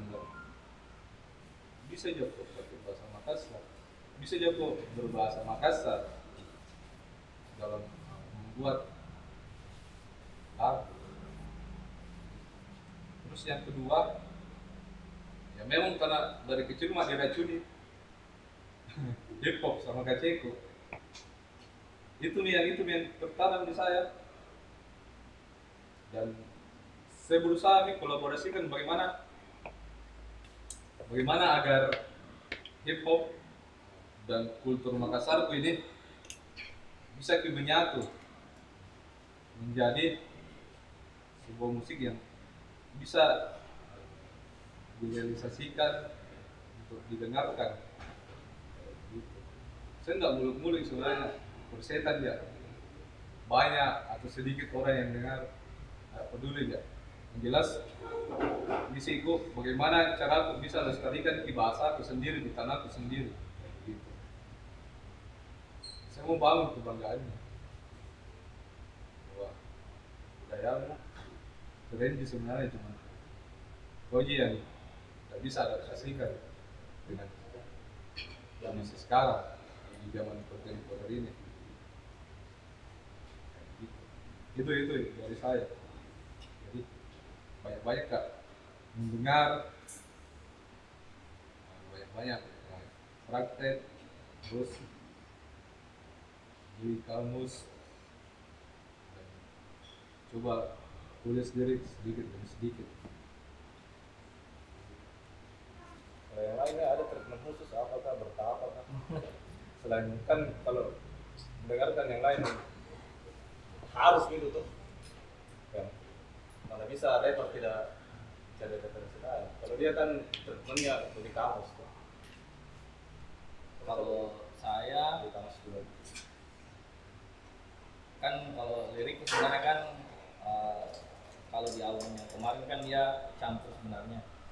Ada yang bahasa Inggris ada yang bahasa Indonesia ada yang logat ya, aksen Sini, Makassar aksen deh. Makassar. Yo nah eh, kenapa dulu tuh awalnya memang awalnya nge-rap justru itu bahasa Inggris? Bukan karena eh, dengar-dengarnya kan lagu luar kebanyakan tuh jadi kosakata aku itu kebanyakan justru dari lagu-lagu luar. Terus saya coba eh, menulis bahasa Indonesia sejak zaman zamannya saya juga saya dengarnya tuh saya Koji Iqbal gitu dulu saya dengar Mungkoji kan.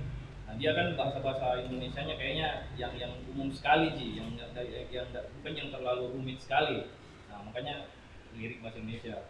Kemudian saya pulang ke Makassar saya rasakan hal yang sama yang dia rasakan Mboko mungkin juga di Makassar ini. Kenapa saya tidak bawa eh, apa namanya eh, kultur yang saya rasa di sini? Nah cuma kekuranganku saya kan besar di Makassar tapi tidak ada di keluargaku yang origin Makassar. Nah, mereka justru campuran tapi besarnya di Makassar. Jadi nah, kita tidak usah ter- misalnya terlalu jauh sampai ke bahasa Makassar bahasa sehari-hari saja itu kedengarannya seperti dunia ketiga kalau di Jakarta tidak perlu kita pakai bahasa Makassar pun kita pakai logat sehari-hari tak di sini buat mereka itu sudah aneh gitu. Nah, nah, di situ maksudnya saya bisa ambil saya ambil ide di situ saya bilang, oh kenapa tidak saya eh, rap pakai aksen Makassar. Nah, meskipun kita tahu sendiri aksen Makassar kan banyak campur-campurnya pakai bahasa asli juga ada beberapa yang slang-slang yang terkenal mungkin. Itu jadi treatment justru di tengah jalan tuh kayak misalkan eh, saya bawa kendaraan begitu lihat counter-counter stiker. Nah biasanya kayak lagu Sante Mikina sebenarnya dari stiker truk di truk saya lihat ada tulisan Sante Mokona slang gitu. oke saya catat. Ini mungkin populer waktu tahun sekian sekian dulu terus Bombeko. Saya lihat juga di stiker PT-PT Bombeko baru ada lagi saya lihat stiker toh saya catat Kalau bikin lagu bahasa mana? Dia sama. Bahasa mami ini sama. Betul. Ya, kayak begitu kan treatmentku tuh kayak kayak yang sehari-hari sih yang sehari-hari saya lewati yang sehari-hari saya rasakan nah itu yang ku catat kalau misalkan masalah rima kan kita jangan rasa gitu coba-coba "Ih, rima gitu oke catat handphone catatnya dan ini catat-catat oke nanti ulik di rumah dijabarkan diperpanjang sih dari ide awalnya itu dari stiker aja saja diperpanjang ki idenya apa kaitannya dengan yang sekarang-sekarang jadi nih begitu karena saya eh, model-model tipikal laguku memang yang anu sih, yang ringan-ringan jadi ya bahasa sehari-hari. Kemudian eh, yang la- yang slang-slang lah gitu slang-slang Makassar. Jadi kalau habis nih slang Makassar habis lagu itu juga kayaknya udah habis tidak Tahu, Mak, Bin? iya sudah tutup album harus Itu jadi lagu, kok bikin lagi stiker. ganti profesi Tidak satu stiker satu lirik. iya Iya. satu lirik. kan begitu itu dari stiker saat digambarkan ceritanya tentang itu begitu juga itu memang selama ini tuh yang saya alami begitu yang saya lihat langsung di khususnya di jalanan di PT lah karena kalau keseharian jadi. karena orang Sudiang jauh perjalanannya setiap hari. Jauh. Sehari bisa sejam dua jam di jalanan. Jalanan tok sejam. Pakai paspor. iya weh. Kayak Ada baru bunyi kaki. deh. Kalau Ani, Ani kan ini sebenarnya track record itu dari lagu-lagu yang dia bikin memang. Religi. alhamdulillah Religi. agak keras tuh. Ya, lumayan melawan, menggigit. It- Terus kau juga Duncan memang lumayan aktif di kampus juga tuh. Nah, lumayan lah. bagaimana nih sumbernya Nah, terus dari referensimu juga eh, Dreamlock terutama pasti berpengaruh besar. Eh, selain itu, secara teknis apa yang pengaruhi eh, pola lirikalmu sama teknikalmu? Apa treatment-treatment kalau logo, kamu, standar, eh, Jadi jalan. discovery-nya itu lewat jalanan mengamati menyerap. Kalau tahu sama Mehmet kira-kira apa? Aktif, aktif, aktif. Kalau saya kerasahan puji kalau lihat sekeliling begini, Personal berarti. Coba nih, udah cocok gini kayak nih, kayak misalnya pembangunan apa ini, usuran apa, kayak udah cocok gini. Itu mau mulai ngulik, ngulik dari berita-berita, saya ulik jadi kasih jadi lirik atau apa dari buku-buku yang saya baca. Itu mungkin di situ yang kasih jadi lirik gitu. Sama sekeliling juga kuliah. sumber inspirasi nulis sendiri atau Ya, Hal-hal. treatment sumber sumber inspirasi, treatment khusus. iya kalau saya Nah, yang pertama mempelajari itu sama hampir sama mungkin kita mempelajari penulisan-penulisan lirik rap, rap lokal. Pelajari yang bagaimana yang dibilang bar, yang bagaimana yang dibilang metafora, yang bagaimana yang dibilang Mana itu bisa belajar wordplay. ya wordplay dan sebagainya nah kalau untuk dalam menulis lirik tuh amunisiku kebanyakan anu dan baca buku kak. Terus saya suka kak baca buku karena rap kepatannya ada di lirik. Dan lirik itu kumpulan kata-kata tuh jadi untuk membuat lirik ya otomatis. Pelaku rap harus mempunyai banyak kosakata dalam kepalanya. Biar apa nih karena di kata-kata memang senjatanya itu anu rap hanya ada satu lawan kata.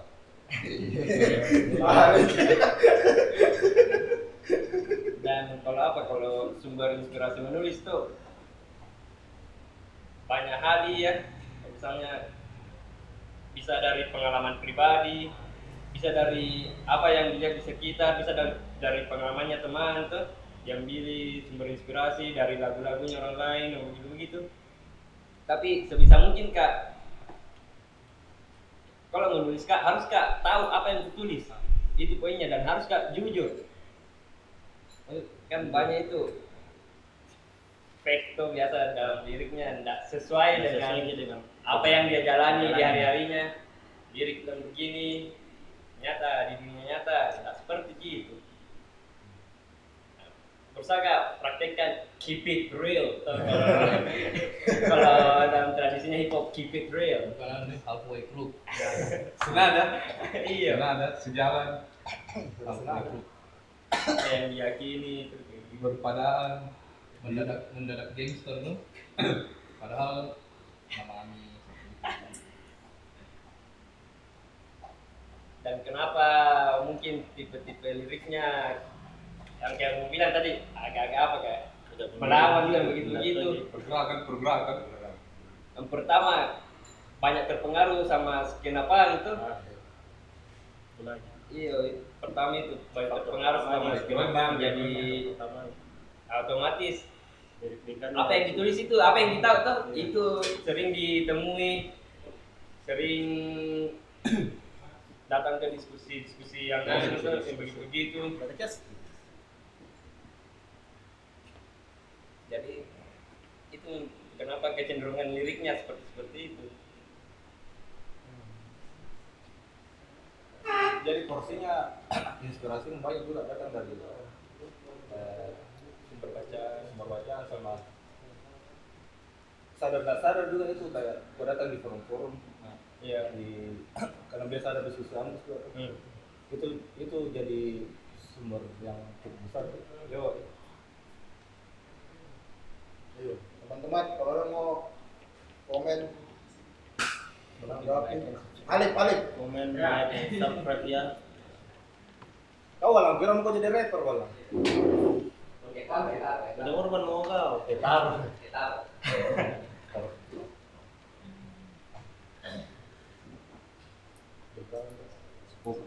Satu pertanyaan deh ya. Bagaimana kalian melihat hubungan antara hip hop sama fashion? Terakhir. Hip hop sama fashion.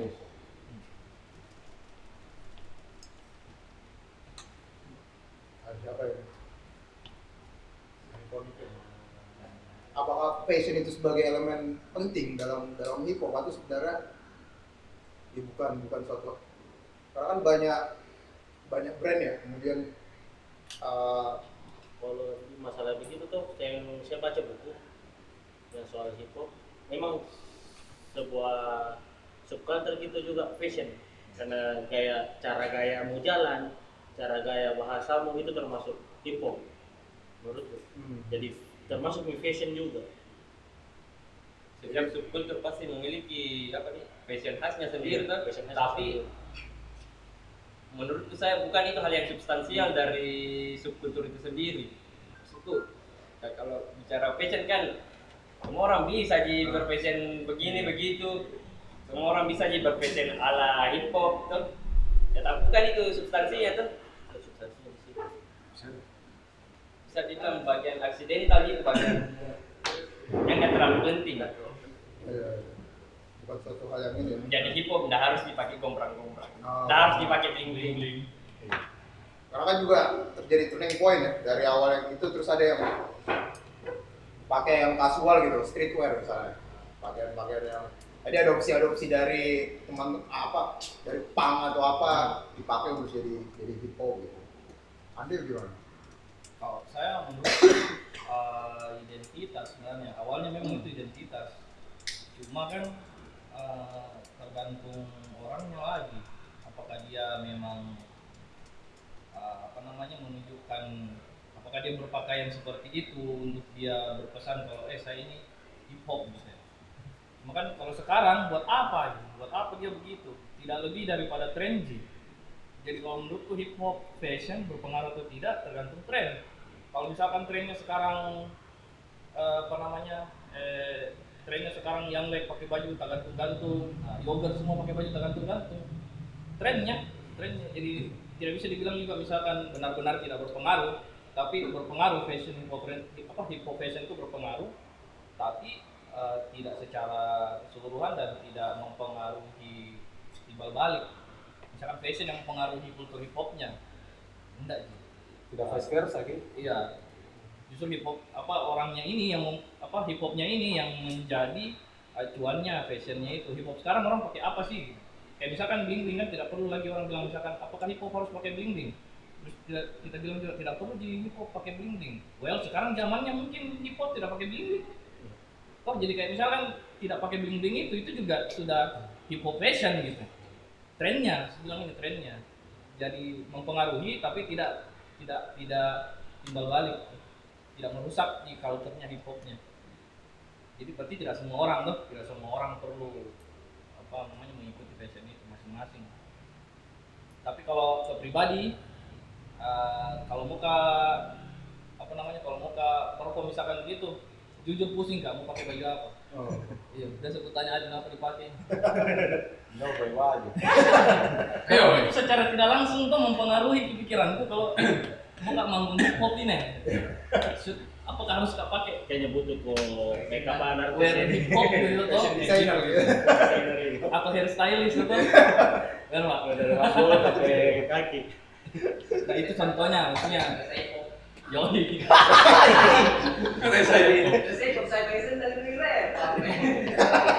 Nah itu misalkan tuh ada suatu rapper terkenal itu terkenal dia datang manggung pakai sendal jepit. Semua orang pakai sendal jepit nanti di bawah. Karena Nah, kalau dia itu sepatunya dengan koin dan datang pas sudah jepit. Amin sih pak. tidak berpengaruh kebaikan tapi Malah ya, pakai dari rumah. hip hop itu mempengaruhi fashionnya. Iya, Iya, tapi iya. fashion tidak menem- menentukan hopan seseorang.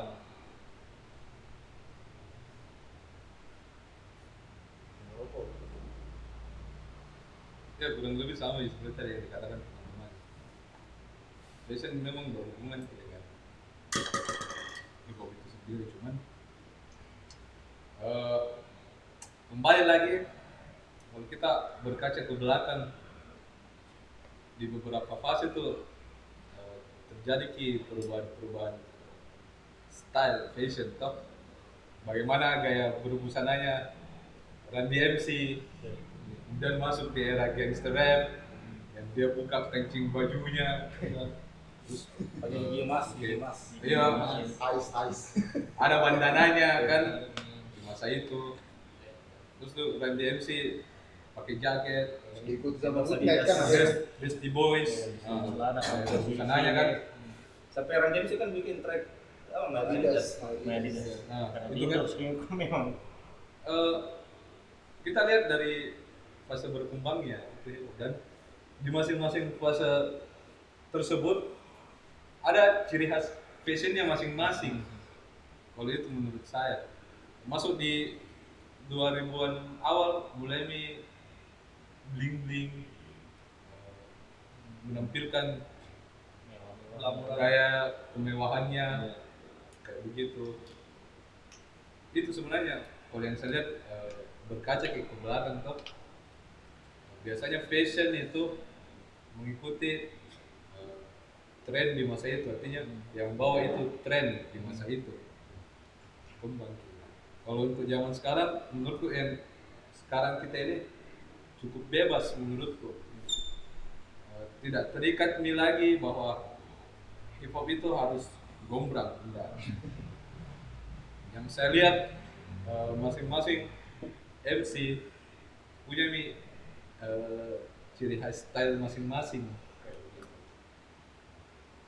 Dan mereka secara tidak langsung juga mempengaruhi orang-orang mengikuti gaya berbusananya jadi kalau misalkan juga saya nanti main pakai sandal jepit gitu nggak masalah gitu saya pakai celana pendek baju kutang nggak masalah gitu cuman memang nah cuman memang memang eh, dulu memang hip memang selalu dilekatkan dengan celana gombrang. Karena secara visual yang ditampakkan pada zaman itu memang mayoritas seperti itu dan dianggap ki tidak hip hop kalau tidak celana gombrang Oversize. Iya. itu kan juga ada saya lupa saya udah itu kan nggak tahu ini valid atau tidak tuh Palet Ya. parking. Hah? Palet. valid parking valid atau tidak beritanya tuh masih kayak apa mitos eh, sejarahnya gombrang-gombrang kan banyak didapat dari thrift shop tuh Ya, betul. eh, mulung jadi di saat-saat distrik yang tidak mapan itu banyak rapper di situ ya mereka semua outfitnya ya dari thrift shop kegedean dan Atau ini nyolong kan mereka. bisa nyolong Ya, ya nyolong. pas tidak pasnya tidak saya pasti gunakan. pakai. Penting. Iya. punya pakaian itu, itu juga bisa jadi juga. Mungkin. mungkin. Kayak begitu. Hmm. terus sempat juga tadi disinggung apa eh, Mehmet bilang dari cara jalan pun itu bisa menandakan itu bisa diidentifikasi sebagai anak apa atau atau- itu betul. Karena saya tanya Ewin yang terbiaya kan Ewin Jipul itu tanya. Kan Ewin hip hop sekali toh gini jalan begini toh nggak ada nggak ada orang yang iya pokok sama pemimpin begini tuh nah, tidak ada orang berani bertanya itu ke Ewin kecuali itu kartun. Dia bilang Ewin om om kenapa kita cara biar kita om tapi mas saya kita hip hop sekali begitu biar cara jalan hip hop dia bilang Ewin bilang iya saya memang pendek sebelah kakiku Ternyata. Karena Karena ini. Ada kan pindah Kata sebelah. itu tuh. Nggak tahu ini Ewin memang atau tidak. Ya, ternyata memang. Nah, yang kedua ada lagi trivianya satu ini tuh ada penari, ada ada koreografer bikin eh, karya judulnya hip hop come from the east. Jeko Jeko Siumpo tuh. Kenapa dia bilang hip hop datang dari dari timur dari Papua? Secara anatomi beda, sudah jelas bedanya tuh anatomi orang lahir di Papua sama orang yang lahir di Jawa. Jadi mandatori beda itu anatominya orang Papua. Memang hip hop Milanesia. Iya, Melanesia memang itu secara secara mandatori gitu dapat kenegra mau tidak mau rootsmu Harus DNA mu ini DNA hip hop. Karena memang cara jalan tuh. makanya eh, rada-rada mirip itu itu. Ini kita bukan proses atau apa nah anak-anak anak-anak lembata anak bingo squad. Weh de facto itu hip hop. Tapi orang-orang geng-gengnya Rich 3 di ETN Tracy kan memang agak sulit sulit kita eh, kasih pengertian loh hip akhirnya muncul eh, klaim eh, ketika Asia mengadaptasi hip hop itu ya akan ribet tuh tapi kan ada jembatannya ada kultur yang lain ada elemen lain ada musik ada ada breakdance. Bahkan orang Asia bicara banyak di breakdance gitu nggak bisa nih Hip hop jagoan breakdance. Iya. Enggak ada. Jadi memang antara fashion sama hip hop ya melekat erat. Sama yang bilang kan kita itu penting penting juga. Ada- ada lagi tambahan nih Kalau lihat pertanyaan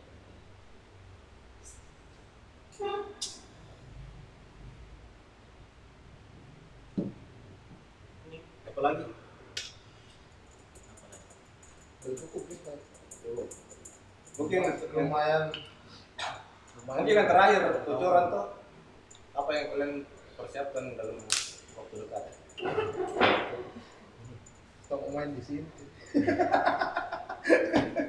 Kalau ada kegiatan di sini, Mas. Ada track baru, track baru. Adik konik mau bikin album. Kalau ada fotografer situ ya, foto tuh. Album wedding. Iya. LP. Album LP, LP. LP rencana. Kalau jadi. Kalau jadi. Kalau Baru ada satu di eh di yang mau kasih berita di konik. Ya, ya, ya, ya. Dan itu gratis. Dengan ikonik kupa. Andi, apa rencana nih? Kalau anda album kema- kemarin kan sudah coba EP itu, ini coba full album tahun ini ya sepuluhan lagu lah. Dan fokusnya mungkin lebih ke itunya tadi aksen Makassarnya lebih ke situ. Mungkin ada sedikit sedikit bahasa Indonesia, nah, maksudnya bahasa Inggris sedikit mungkin kayak di satu dua lagu tapi fokusnya memang di albumnya itu ke aksen Makassar. Berarti tengah tahun lah kalau lancar. Kita. Kalau tidak ada hambatan ke depannya, sama juga rencana planning untuk album. Ya, Mudah-mudahan beat lancar, ada yang masuk, bisa secepatnya siapkan materinya karena agak greget gak sih sebenarnya? Karena ya harus gak segera realisasikan ki. Budayaku buka bawah gua perkenalkan ki. Orang luar segera itu segera. Tergantung disposisi. Tapi perlu tidak sih eh, teman-teman di sini yang bikin kayak rekaman bareng gitu. Misalnya Wajib satu- gitu kayaknya. Perlu ya. Dan suatu saat mungkin bakalan terjadi. Makanya hip hop. Foundation, foundation. Atau komisioner. Cerita kalau Makas Ribu Foundation itu ini juga Komunitas itu ya. komunitas. Dia komunitas, dia komunitas. Oh, dance. Jadi iya, jadi MHF itu lahirnya dari anak bikin sama Bitbox. Cuma di 2017 pas di Sapran lagi tuh komentar, Om, anak lagi bikin anu ini komunitas movement. Emang gara-gara tandeman gitu anak itu sama. Akrab. Anak grafiti juga mau belajar aja, yuk pakai itu jalan mau pakai itu movement aman ini. Jadi tidak relate sama semua orang, cuman akhirnya eh, mereka yang generate itu platform Makassar Foundation. Saya bilang wajar-wajar nih sasar. Dan di dalam situ ada kelompok-kelompok atau mereka ini. Terus MC gimana kalau MC? MC-nya Kita mau mana ini? Tidak secara makanya saya bilang secara secara identitas nama tuh sama semua ya. Sasaki, cuman eh, secara apa secara administratif tuh apa kan namanya itu tuh eh, tidak ada keterikatan juga di situ. Jadi kalau mereka mau bikin apa pun namanya pakai under MIF terus merespek orang-orang yang dianggap pelaku hop itu. Semakin cuma tidak secara secara kita eh, sidang paripurna semua pelaku hip hop bikin Makassar tidak Yang harus forum gitu. Iya. pun juga pun juga apa DJ bikin grup J- J- apa JHF kan Meskipun doi sudah cabut ya. iya namanya juga tetap JHF tuh tidak mengakomodir semua sebagai instansi Nah. Jadi kesamaannya itu. ya. Sama mirip. Makasih nih. Ya Lopo Ande, Iya. Ikonik, udah ngobrol.